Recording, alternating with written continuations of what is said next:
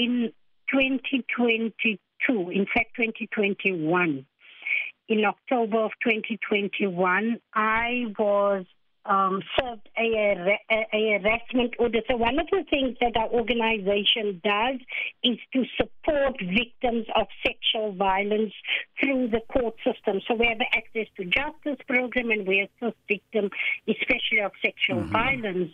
And we know that women are mostly the, the, the, the survivors. Yes. So we what happened i posted a picture of a perpetrator. I was supporting someone through the court. I posted a picture of his back and i posted a picture of the courtroom on that day. He then subsequently was granted an interim protection of harassment order against me which was then overturned as women's legal center supported me in court. That was overturned. But what stood out for me then was that i mean we are two years later into almost two years later into this matter of us and he still has not pleaded. So what it means we still can't say his name. And and so for that reason we're saying other victims could have come forward um, we, we can clearly see that, you know, we are saying to victims and survivors of sexual violence that mm. you need to speak up and you need to speak out. Yes. But this part of the Constitution clause in the sexual offences so clearly it, it, it, it silences yes. women of speaking out. Mm-hmm. Now, there are some mis- perceptions about the presumption of innocence, and many people in the community sometimes assume that a person identified by police as a crime suspect is actually guilty of the offense. So, how do you think this would affect people who are sometimes perhaps wrongfully accused and who intend on pleading not guilty? Elvis, I, I want to say yes, there is that presumption and it's their right um, to, you know, not to be named, but we know in the, for example, murder, attempted murder, culpable homicide, robbery, assault, and fraud. Perpetrators can all be named. So likewise, the victims and complainants in respect of of, of, of sexual crimes, you know, they they're at risk. Um, so so why are we silencing victims of sexual of, of, of sexual offences, of not being able to say the perpetrator's name? We see gender-based violence and the effect of gender-based violence in our country daily. So we're saying, why should women be silent? We, we, we can encourage other victims to come forward and alert potential witnesses in, in these matters.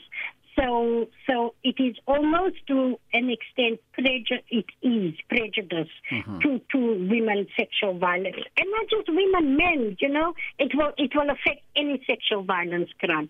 And in the matter where there's minors, which have also been asked, the the magistrate still has the right to make a ruling to say that the perpetrator is not to be named. Mm. But how would you feel if, for instance, if you were revealed as a suspect in, in a criminal investi- in criminal investigation, but in fact you were innocent, and then you are named? That, that has happened. That has happened in any other matter, Elvis. Mm. And yes, you're right. It could be happening in a in a murder. You could be for fraud. You could be for all that. And you know, as a survivor myself of of a, of a gang rape, I I want to say that can we?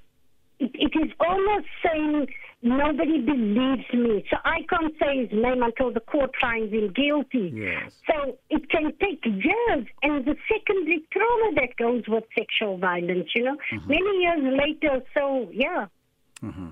Now you re- you are represented by the Women's uh, Legal, Legal Centre, Center. and you filed that application now in the Western Cape High Court. What That's next right. is going to happen now? Okay, so so what happens next is the so the minister has until now in January to to file counter papers there, and we've also the the applicant we've also attached uh, Mr. G, who we can't name of course, as as as also um, in, in this application.